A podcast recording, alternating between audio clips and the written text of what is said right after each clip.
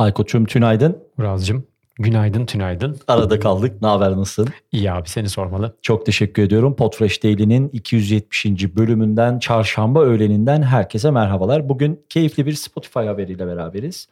Beklediğimiz ve daha önce biz bunu demiştik tırnak içinde biz bunu demiştik diyeceğimiz haberlerden, gelişmelerden birisi geldi Spotify cephesinden.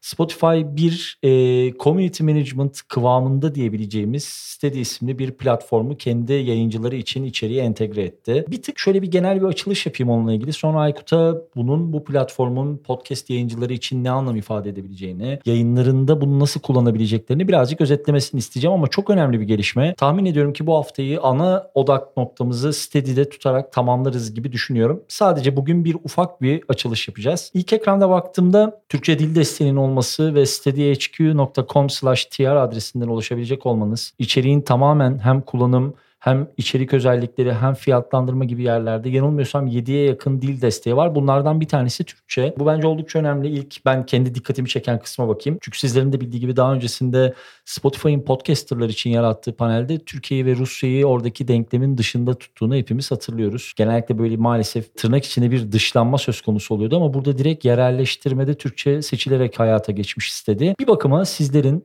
içerik yayıncılarının, içerik üreticilerinin kitlesel fonlama, kitlesel destek, e-posta bülteni gönderme, içeriklerini dağıtma, içeriklerini yayınlama ve bir community'yi bir arada tutabilme gibi özelliklerini Spotify kendi paneli altından yürütmek adına böyle bir yatırım yapmış. Bence çok önemli bir hamle. Gerçekten önemli ve Aykut'la yaklaşık son bir buçuk senedir de altını çizdiğimiz, beklediğimizi söylediğimiz bir hamle. Bence oyun değiştirici özelliklerden birisi. Kendiniz de birazcık şöyle bir küçük göz atarsanız hatta kendi yayınınızın, kendi isminizin e, haklarını claim edersiniz, sahiplenirsiniz gibi. Ben böyle ufacık bir açılış yapayım. Ondan sonra Aykut'a atayım sözü. Aykut'cum steadyhq.com sitesi altında Spotify'ın biz podcast üreticilerine sunduğu şeyin meali nedir? Burada neler olabilir, neler olacaktır? Neyin habercisi Steady? Birazcık senden dinleyelim. Süper tabii ki abi. Şöyle bir adım geri gidelim aslında. Spotify 2021 yılında Spotify Open Access adıyla aslında e, üreticiler için daha doğrusu dünya çapında seçtiği 100 publisher üreticiyle birlikte kendi platformu üzerinde bir takım seçme yayıncılara aslında bir e, hizmet vermeye başlamıştı. E, bir bir testti bu. Open Access üzerinde kendi gelir modellerini oluşturabilecekleri, kendi kapalı devre aboneliklerini oluşturabilecekleri bir model üzerine başlamıştı. Yine RSS base mantığı da kullanıyordu içeride ama Biliyorsun yakın zamanda geçtiğimiz haftalarda yaptıkları açıklamalarda Daniel Ek aslında RSS'in yavaş yavaş öldürüleceğinden de bahsetmişti. Kendi elleriyle aslında burada bir ölüm yapacak, yapacaklar. E, fakat e, 2020'den bugüne gelelim. Geçtiğimiz Mayıs ayında Steady ile aslında Steady ile bir partnerlik yaptılar.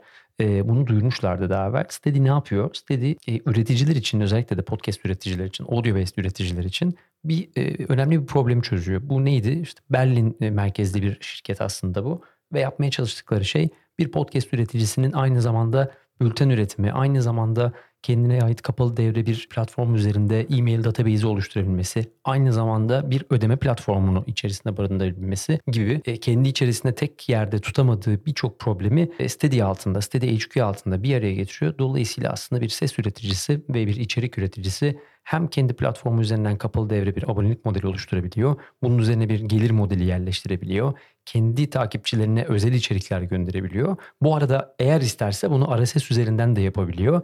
Ama anladığımız kadarıyla demin senin sorduğun soru üzerinden gelelim. Daniel Akın daha evvel de yaptığı açıklamayı da düşünecek olursak burada Spotify'ın beklediği şey tabii ki öncelik RSS üzerinde değil yavaş yavaş muhtemelen içerik üreticilerine RSS opsiyonunu vererek içeri alacaklar. Ama yavaş yavaş Spotify kendi kapalı devre aslında ürettiği içerik modelleri, abonelik modellerini Spotify üzerinden yalnızca Spotify üzerinden sunmaya devam edecek. Bu ne demek? Seninle her seferinde konuştuğumuz şey aslında ilk günden beri konuşuyoruz. Spotify kendi kapalı kutusunu oluşturuyor. RSS'e karşı savaş açmış durumda evet. Bunun iyi ya da kötü tarafları var. Yani daimi olarak burada bir e, odadaki fil konuşma şeyinden biraz uzaklaşmak lazım. Günün sonunda RSS'in de bir takım sıkıntılarından bahsediyoruz. Ama kendine ait kapalı devre bir içerik üretim modeli ve gelir modeli oluşturmaya çalışıyor. Buna da biraz mecbur olduğunu da söylemek lazım. Biliyorsun yani bugün New York Times'dan diğer mecralara kadar herkes Spotify'ın yaptığı bu e, audio yatırımının, podcast yatırımının verimli olup olmadığını tartışıyor. Kendi yatırımcıları da bunu tartışıyor. Dolayısıyla burada bir tabii ki gelir modeli üretmek durumunda. Bu anlaşmada biraz bunun ileriki modelleri diyebiliriz. Bu arada sitede HQ'nun tabii ki Türkçe desteği oluyor olması bence önemli. E, bu şunu getirecek. Bundan sonra Patreon gibi üçüncü bir partiyi kullanmanız gerekmeyebilir. İşte e-mail için GetReview gibi bir takım ekstra şeyleri kullanmanız gerekmeyebilir. Zaten bu arada bir içerik üreticisinde en büyük problemi bu. Farklı yerlerden elde ettiği içerikleri tek bir yerde toparlayabilmek ve datayı anlamlı hale getirebilmek bir e, podcast üreticisinin oldukça zor. Zaten kendi başka bir profesyonel yaşantısı daha oluyor. Dolayısıyla tek bir platform altında aslında bütün bunları sağlamış oluyor.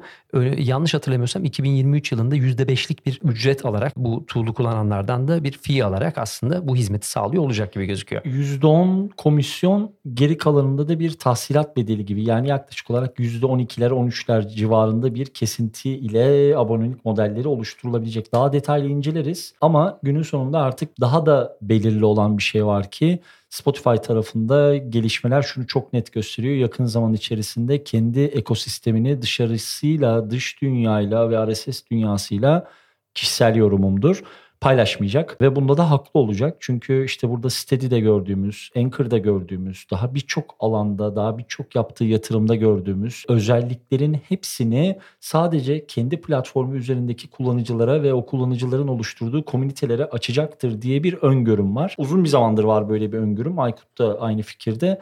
O yüzden dediğim gibi çok önemli, çok oyun değiştirici bir hamle. Bugünlük bu kadar olsun istersen. Aykut'cum var mı senin eklemek istediğin şey şey ilgili? Şimdilik bu kadar. Biraz Süper. Türkçesini test etmeye başlayalım. Evet birazcık kurcalayacağız ki yarın birazcık sizlere evet şuraya baktık böyle buraya baktık böyle ama bu önemli haberi paylaşmak istedik. Bence şimdiden steadyhq.com slash tr adresinden kendi podcastinizi, kendi domaininizi talep edin. Onu bir kenara alın. Ondan sonra birlikte kullanalım, birlikte kurcalayalım ve bakalım. Hala abone olmayanlar için sevgili Ayçan tarafından her cuma sabah saat 10'da Aposto ekosistemi içerisinde çıkartılan ve keyifle okuyabileceğiniz Podfresh Daily'ye abone olmanızı hatırlatırım. Bugünlük bizden bu kadar. Yarın sabah öğlen arası Podfresh Daily'nin 271. bölümünde görüşmek üzere. Aykut'cum görüşürüz. Görüşmek üzere.